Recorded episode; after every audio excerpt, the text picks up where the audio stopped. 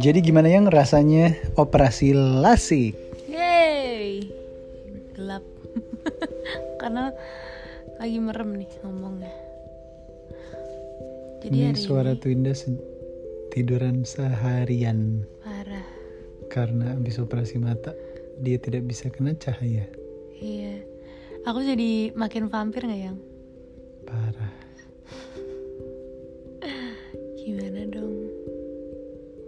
Gimana experience-nya? Experience-nya gue panik sih tadi. Jadi kalau kata dokter Spesialis mata gue tuh dia bilang Keberhasilan operasi itu 50% nya di operator 50% nya juga tergantung pasien. Nah jangan panik ya gitu.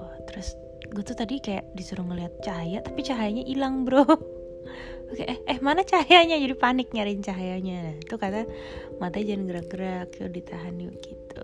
Jadi banyak hilang arah sih tadi. Jadi lumayan lah dokter juga untungnya nge-guide terus. Terus pas udah kelar tuh masih biasa aja. Cuman emang merem aja. Terus si siapa namanya? Siapa namanya? Si susternya tuh jadi waktu dia bawa aku ke ruangan dia tuh ngasih tahu oke ini kaki ditaruh di sini ini gini. Gue masih melek nih terus dia ngasih tahu gue yang kayak kenapa dia ngasih taunya gitu banget? Terus megangin gue tuh lumayan kenceng gitu. Terus ternyata setelah gue selesai lasik dia melakukan hal yang sama kan. Jadi gue yang kayak langsung oh ternyata ini tuh alasannya dia kayak gitu. Buat untuk nge-guide Heeh, dan untuk nge-guide gue juga afternya tuh gue nggak kaget gue bener-bener soal gue merem kan. Jadi mata gue tuh jadi males banget buat melek. Jadi gue dari ruang operasi keluar tuh gue merem. Sampai ketemu Eda tuh gue merem. Terus gue kayak didudukin di sofa nyaman empuk parah enak hancur. Terus Eda ngurusin segala macam per administrasian dan apotek pas dia balik susah tuh langsung ngomong ya udah yuk eh, kalau kelamaan nanti makin perih gitu dia ngomong kayak gitu kan gue parno ya denger kayak gitu ya Dia ngusir kamu ya? iya dia ngusir gue Canda. ya udah kan ya udah udah yuk nih ditetesin lagi gitu kan terus tetesin beberapa obat lah lah lah lah lah, lah. sama diperiksa juga ha- apa beresnya oke udah terus gue keluar ditenteng Eda gitu kan. Ditenteng kata gue tas. Dituntun Agak Eda. sih. Mm-mm.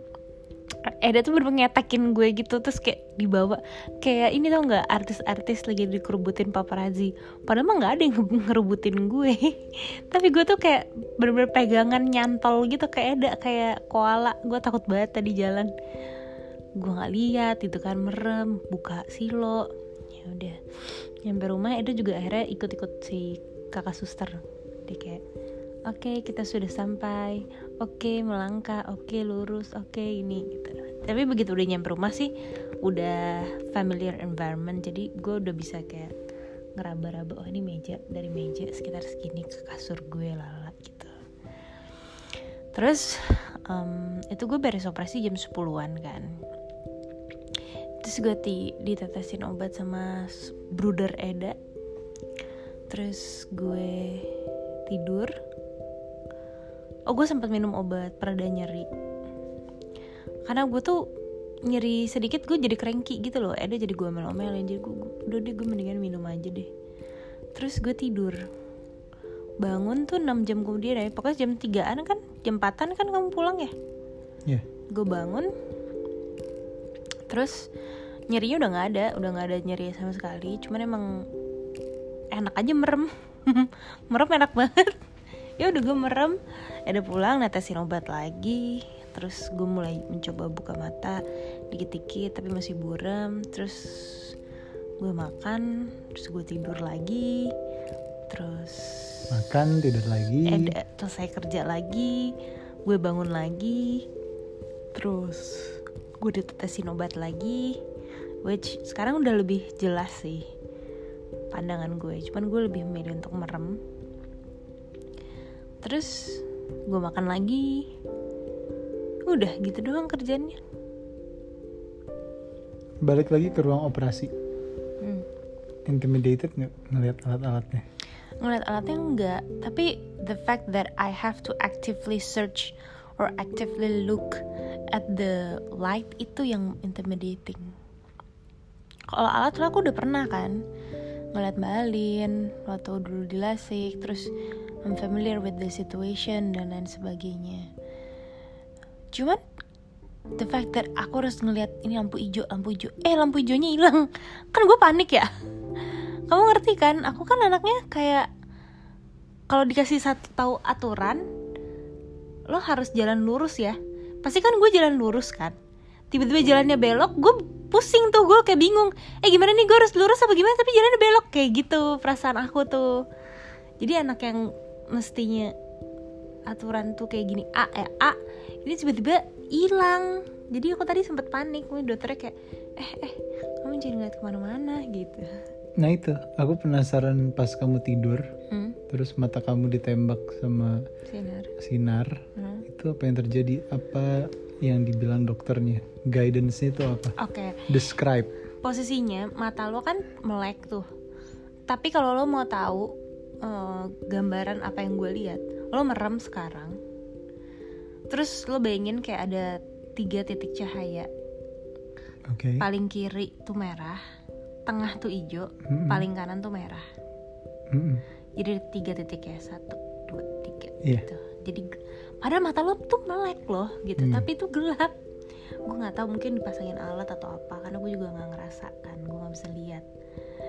Nah terus udah gitu gue ini harus ngelihat si titik hijau yang di tengah.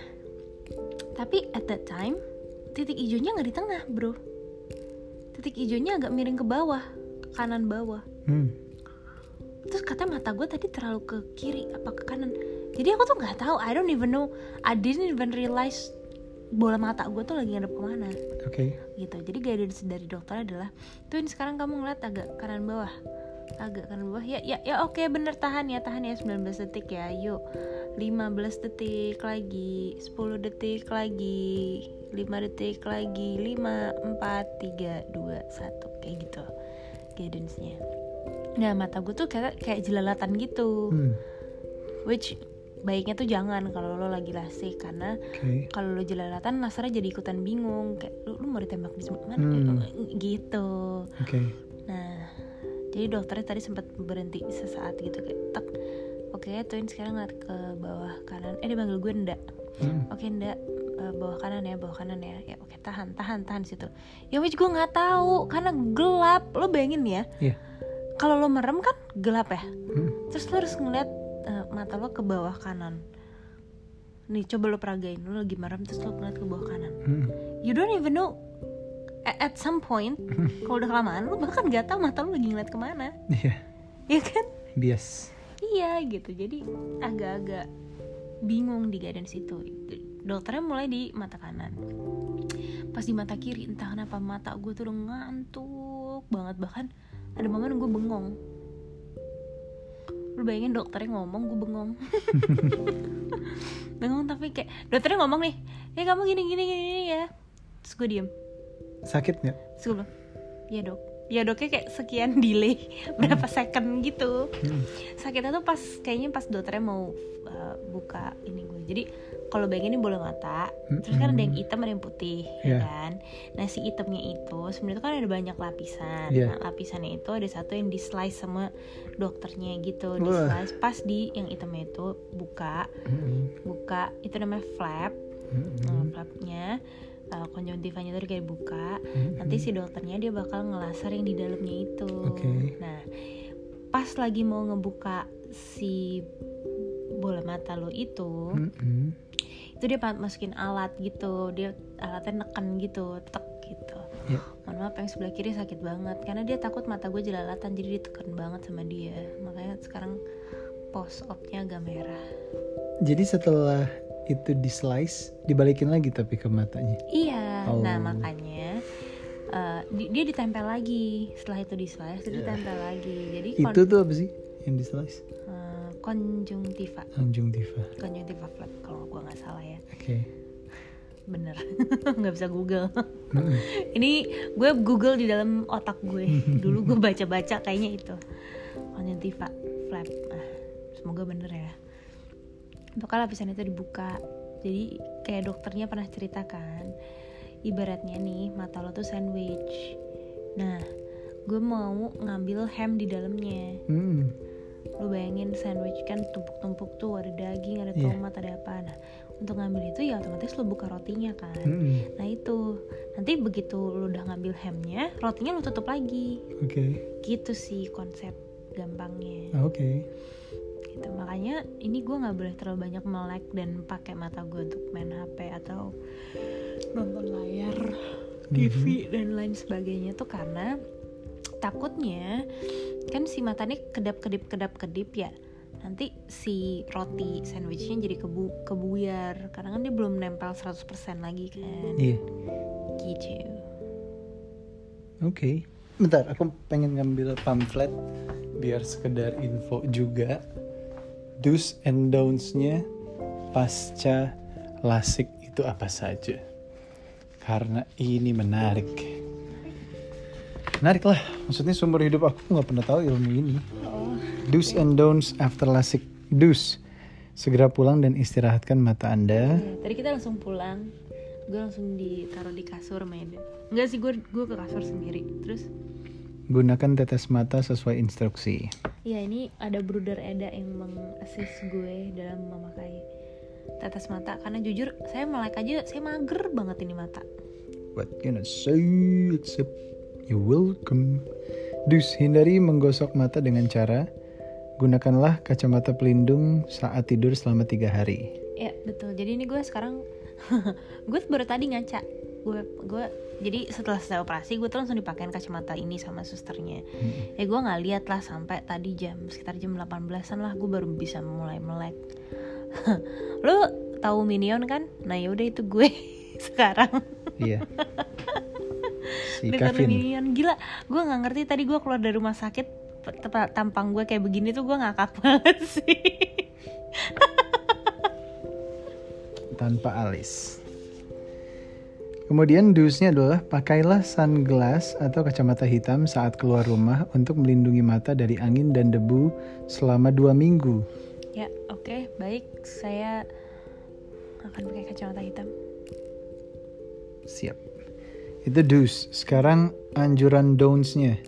Pasca operasi, jangan menonton TV, membaca, menggunakan komputer, tablet, dan HP yang dapat menyebabkan mata lelah sampai mata terasa nyaman. Don'ts-nya lagi adalah dilarang berenang selama satu bulan. Wah, aku sih tersiksa ya.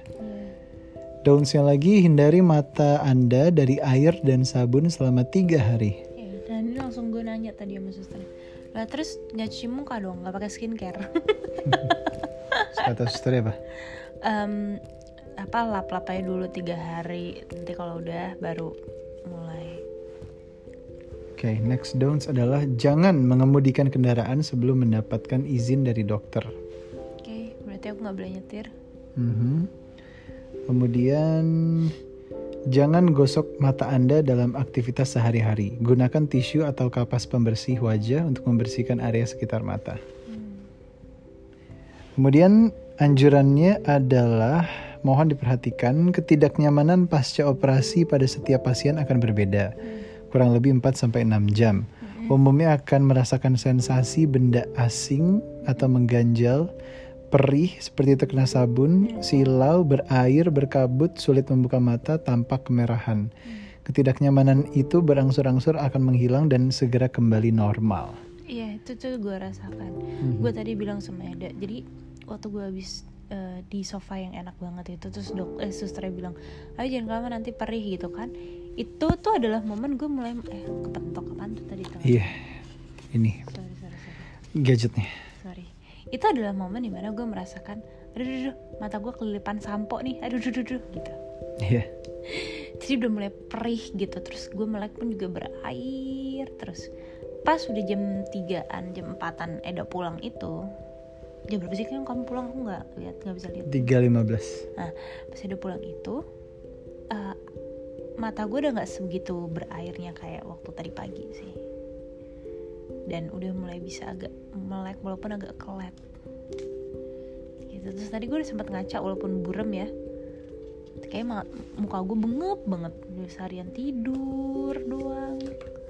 Mata gue kayak minion. Gitu sih. Jadi bener ya, bener. Tidak nyaman 4 sampai 6 jam. iya bener. Sekarang kan udah 6 jam lebih. Mm-mm. Udah nyaman. mendingan lah walaupun nih saya masih merem-merem aja. Kenapa? enak. Pakai nanya kenapa. Kalau buka mata, bisa ya? Ya bisa. Cuman agak buram aja oh berarti masih berkabut, cuman sudah terasa nyaman. nggak ada kabut sih Burem. Iya, buram aja. Terus sama masih ada rasa mengganjal sedikit karena memang gue dipakein bandage len- lens. Jadi kayak perban tapi buat lensa mata. Keren ya. Bentukannya kayak soft lens gitu, bandage lensnya. Keren. Keren sih. Dan ini juga sih buat yang lagi dengerin kalau misalnya ternyata udah udah pakai kacamata saat ini dan lo sering merasakan pusing, pusing kalau main cepat pusing, main game. Itu harus cek mata sih karena tuh Winda minggu lalu ngecek kan tiba-tiba naik minusnya. Jadi Sebenarnya berapa? Tiba-tiba ya bro. Gue cuma, gue juga udah nggak, udah lama banget nggak cek minus. Mungkin kayak dua, tiga tahun kali aku nggak cek. Dari 175 jadi 3 Kan lumayan kan? lumayan banget lumayan banget. Dua-duanya? Eh, sebelah kiri 0 eh sebelah kiri 275 sebelah kanan. 3 Berarti itulah jawaban kenapa kamu kalau main Fortnite suka pusing tiba-tiba. iya. Karena minusnya nambah. Iya apa pun itu. Selama ini. dan ditambah kan kita lagi kerja dari rumah aja. Ditambah gue tiba-tiba sekarang menambah sebuah skill yaitu video editing. Di mana gue one man one woman show gue nge-shoot sendiri ngedit sendiri dan lain sebagainya. Itu kan semua berhubungan dengan layar ya. Jadi mata gue tuh gampang capek. Nah kemarin tuh em, waktu gue daftar di rumah sakit mereka tuh nanya gitu kayak lo ke sini ngapain? Gitu kan. Terus gue jawab lah iya mau mau eh, apa konsul. Oh ya memeriksa mata minus. Oh ya oke gitu kan. Terus itu kayak iya eh, kemarin sih udah ngobrol sama dokternya pengen lasik. Oh gitu. Oh yaudah kita periksa pre prelasik juga mau gitu. Oh iya mau sekalian deh gitu. Jadi sarannya mereka tuh ternyata mendingan lo setahun sekali deh coba kunjungin dokter mata untuk cek minus lo tuh sama kondisi mata lo tuh gimana gitu.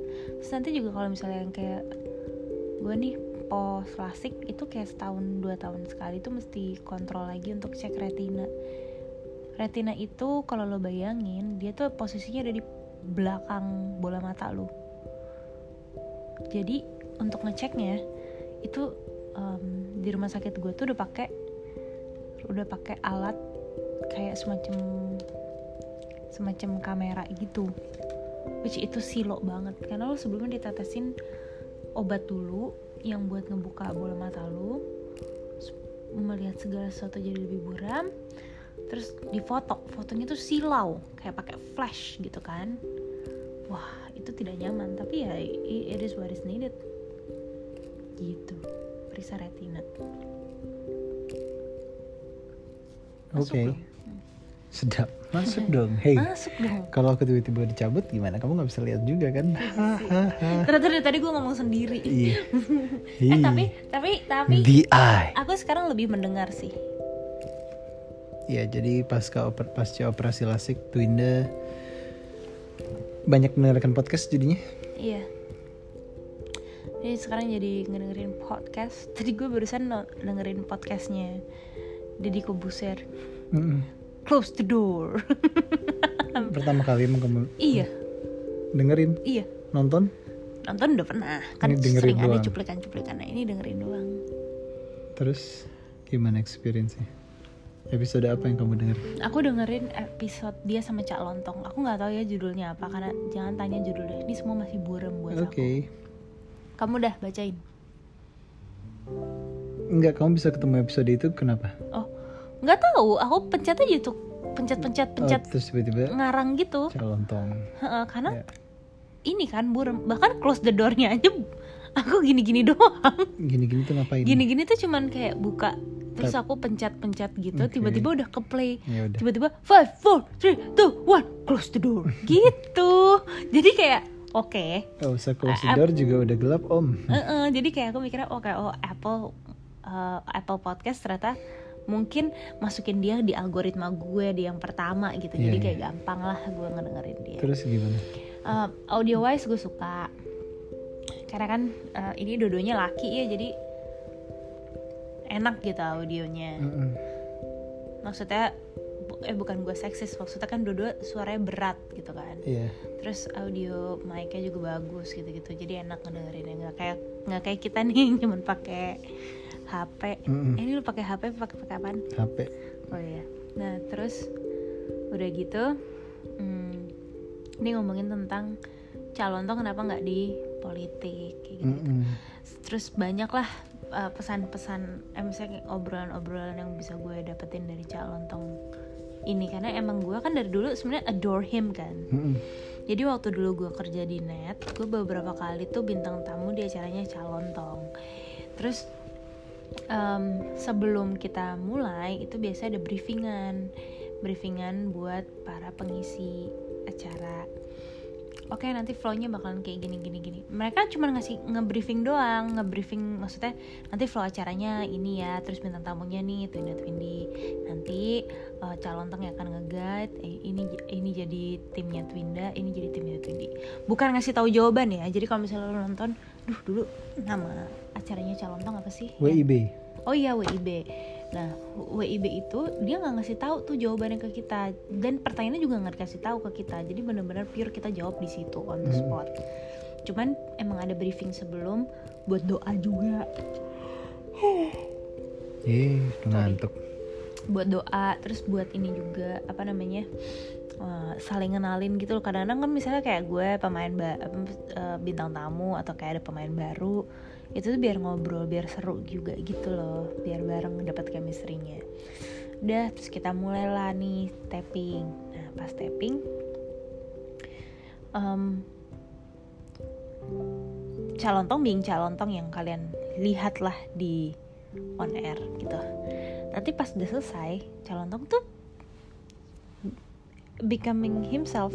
Bukan gue bilang pribadi yang di yang di TV itu adalah hmm, pencitraan enggak. Tapi dia tuh emang his smart guy kan yang Hmm. lu bisa tahu dari semua materi-materi dia tuh pinter banget gitu kan. Jadi pas gue ngobrol sama dia tuh bukan dia ngelawak-ngelawak apa enggak. Ngobrol ngobrol yang ih gila nih orang pinter banget. Gitu loh. Hmm. terus uh, di podcastnya dari Kobuser tuh dia bilang gue tuh sebagai pelawak tuh kadang gue dapat um, tuntutan orang udah ngobrol lama sama gue nanti kalau dibilang eh ternyata calon tuh aslinya nggak lucu ya gitu lah Hmm. kan gue bingung ya masa gue mesti ngelucu apa segala macem karena kan gini pelawak itu kan profesi tapi kenapa uh, dijadiin sebagai karakter untuk harus selalu lucu Hmm. gitu nah di situ tuh gue juga kayak setuju banget tuh sama statement calon tong karena menurut gue iya ya kan eh, apa namanya calon tong itu kan em, profesinya pelawak gitu tapi ya karakternya lucu nggak lucu itu kan pas pekerjaan gitu terus kayak padahal sebenarnya untuk ngelucu kayak calon tong itu itu tuh butuh kepintaran luar biasa loh maksudnya lu mesti nyari bahan Iya. bahkan lo mesti update apa yang terjadi di sekitar lo yang kayak gitu-gitu terus aku jadi relate ke diriku Mau yang apa lagi? aku jadi relate ke diriku yang dulu uh, news anchor kan yang Iya. news anchor tuh lo harus serius lo harus politik lo harus um, ngerti pemerintahan lo harus ngerti bisnis ekonomi kayak lo harus ngerti semua gitu tapi yang aku sadar di uh, di kantor lama tuh mereka nunjukin uh, it's not about you it's about the message you're the messenger Hmm. gitu Iya. Ngerti. Heeh, jadi tinggal lu mau bawain beritanya gimana Mm-mm. outside of it kalau lu bodor monggo silakan lu bodor twin gitu Mm-mm. tapi on air yang penting message-nya nyampe Iya. aku jadi kayak eh, gitu ya kali ya pelawak kayak Mm-mm. Profesi saja. iya profesinya emang harus membawakan sebuah materinya itu secara lucu secara menghibur. Sedangkan kalau gue news anchor gue harus membawakan informasi itu secara uh, aktual uh, lugas tegas gitu untuk Hmm. dapat credibility-nya itu. Itu is only a matter of um, cara ngomongnya. Iya. eh keren sih calontong tuh. Udah lama banget nggak ketemu calontong dan dia bukan tipe yang gue udah pelawak besar I don't know you who are you who are you who are you nggak gitu. Iya. jadi seru dengerinnya juga Down aku- to earth. iya. Dengerin aku juga seru. Uh, seru sendiri gitu. Terus pak aku juga ingat dulu papa juga pengen banget ketemu sama calontong kan. Karena ini orang pinter nih maksudnya ngo- ngomong tuh nggak cuma ngomong doang gitu.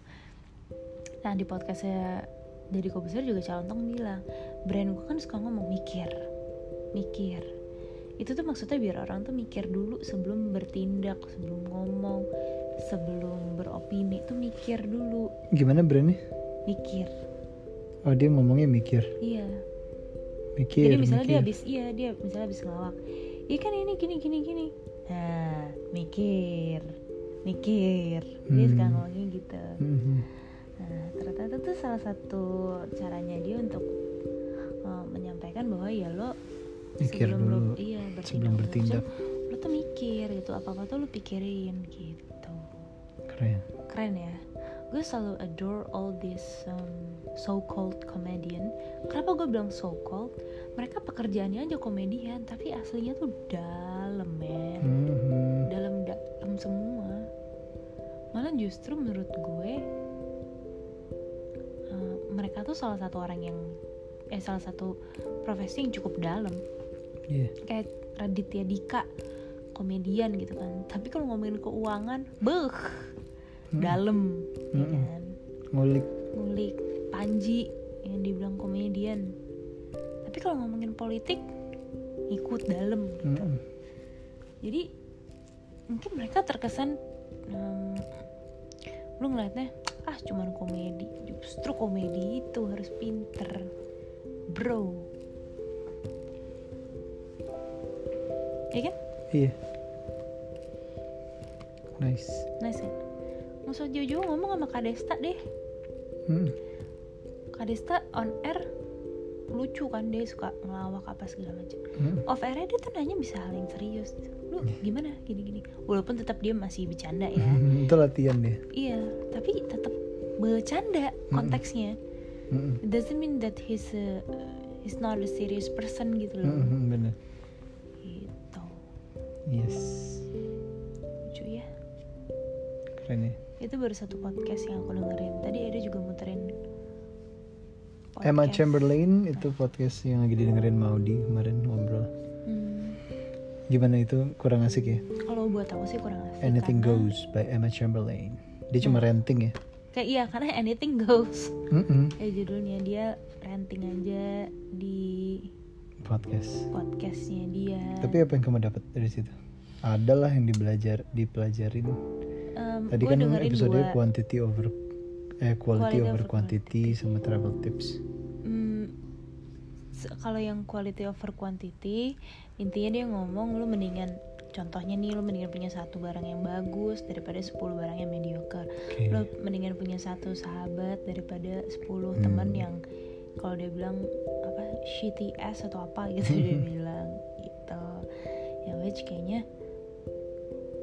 kayaknya eh, untuk sampai ke cerita itu tuh dia lumayan muter Mhm. gitu lumayan ngomongnya terlalu vague vague Mhm. vague gitu agak vague agak ngambang. Hmm. habis itu akhirnya dia, dia sendiri juga bilang udah kayak gue terlalu ngambang ya nih gue kasih contoh konteks deh gitu. Baru dia masuk ke konteksnya gitu. Terus podcast kedua yang diputerin Eda buat gue adalah travel tips. Yang mana dia cerita em, dia dia ngasih travel tips lah ke kita gitu. Dia ngapain aja kalau misalnya dia trip keluar kota ya dia em, belanja groceries di day one. Hmm. nguap lagi.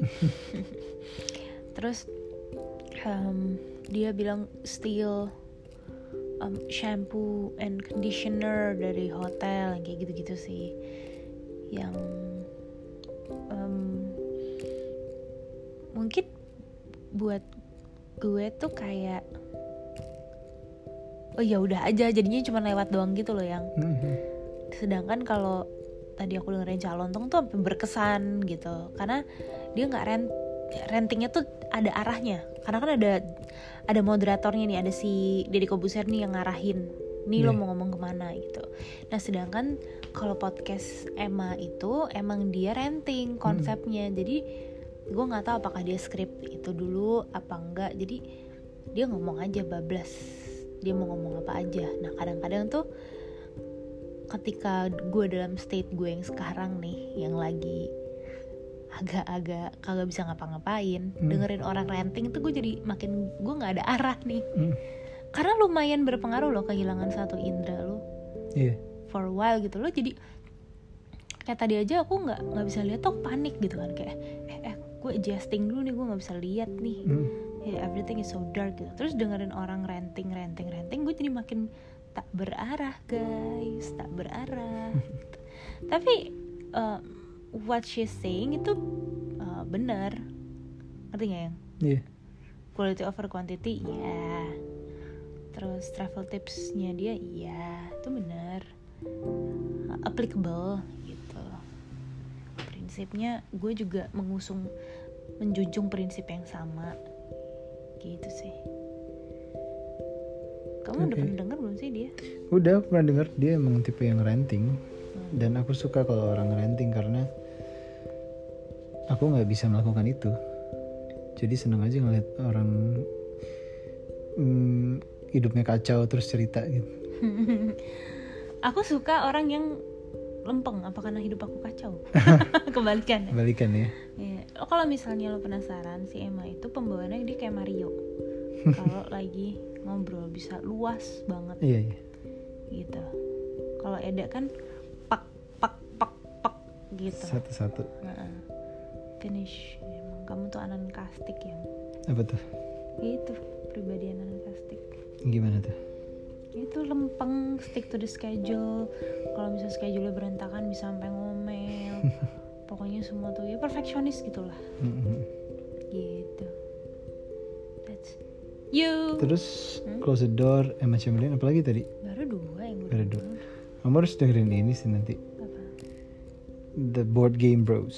aduh Wah, gila yang itu beneran gila sih. pokoknya jangan yang suruh aku ngayal visual aja karena takutnya mataku gerak-gerak Enggak, enggak, enggak ngayal, enggak ngayal visual kok itu. suruh aku berimajinasi Justru ngebayangin boardnya kayak gimana enggak, enggak, enggak. Board game, aku juga nggak ngerti kok gue bisa menikmati ya orang ngobrol tentang Kadang board game. yang lo nikmatin tuh belum tentu yang Makanya aku coba, kamu cobain dulu. Karena at the first time aku juga kaget kok bisa ya ini orang podcastan nge- ngejelasin cerita tentang board game. Cuman gue enjoy gitu. Ya most of it game yang aku udah pernah main ya. Jadi mereka cerita gitu kan. Atau game yang aku pengen beli kayak misalnya waktu mau beli Viticulture ngulik dulu di board game terus kayak apa sih gamenya gitu. Ya mungkin karena mereka berdua kakak adik, terus mereka game designer, sama mereka passionate in board game. Jadi inget aku menabil gitu. Cie, kamu baru mau ngomong We're not board game makers, bebe. ya tapi kan kalian board game players Yes, we are. Ya sudahlah. eh bentar aku mau nanya Apa? dari semua board game Hmm, yang kamu punya yang udah 60-an itu asik. Mau 70. board game mana yang nggak pernah kamu mainin eh yang paling jarang kamu mainin Aku tuh kangen dan banget. kamu nyesel beli board game Aduh itu nggak ada yang. Tapi kalau paling jarang aku tuh kangen justru main kancil, main ya sekedar nyoba jalan-jalan lah lagi walaupun gamenya kayak pantat ya. Tapi ya udahlah. aku tuh mau mau nyindir sebenarnya Apa? Resident Evil Ah man, itu juga aku pengen banget yang itu tuh asli. mainnya kayak Gloomhaven Iya, itu tuh kayak Gloomhaven, bener, versi, versi cimit aja bener. tapi aku tuh jadi kayak ya udah main Gloomhaven gak mungkin main ini lagi gitu loh Enggak enggak, aku pasti someday main sih, Oh. someday main sih. Resident Evil sih kangen banget. Dari satu senario loh. Iya, baru satu senario. Dan itu bener-bener di universe Resident Evil 2-nya. Jadi I would like to finish that game sih. Aduh. Iya, lu main PS-nya nggak selesai. Eh sel- selesai yang Eh yang dua kan Iya, dihapus iya. Nabil. Iya, yang di PS4 cuman yang di PS2 aku selesai mainnya. Hmm, Kan itu remake kan? Iya.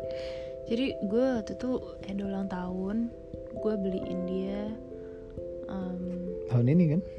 iya Valhalla, gue bilang gue beliin dia Valhalla. Mm-mm. Tapi, PS5. Heeh, PS5. Tapi habis itu kan siangnya kita kayak ke rumah ibu. Nah dia nggak tahu gue Nabil sama Pinkan tuh patungan buat beliin dia dua kardus Iya. board game. Dua kardus ya? Dua kardus, kardus mie, tau gak lo? Dari Resident Evil 2. Itu yang bantuin bungkusin Nabil.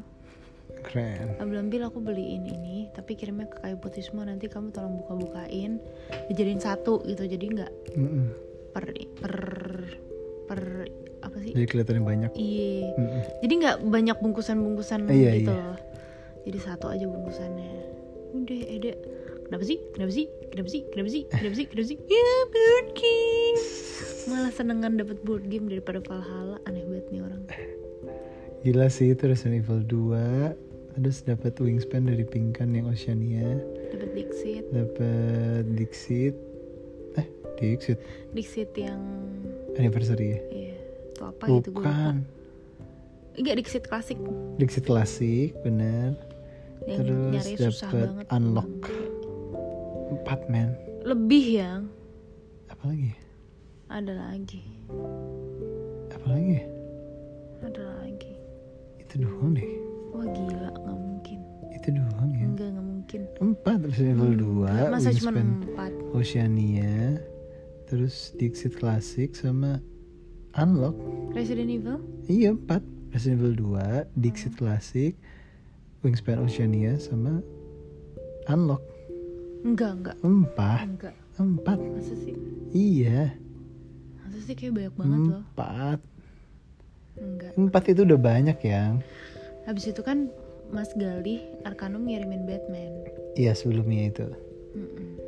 Wah ini juga uh, Kangen banget tuh Kamu ngomong board game jadi kangen banget asli Tapi ya kita lagi di Gloomhaven baby Itu time consuming game. Komitmen. Oke Welcome to the new world without glasses Twina lagi pakai glasses Caminion sekarang.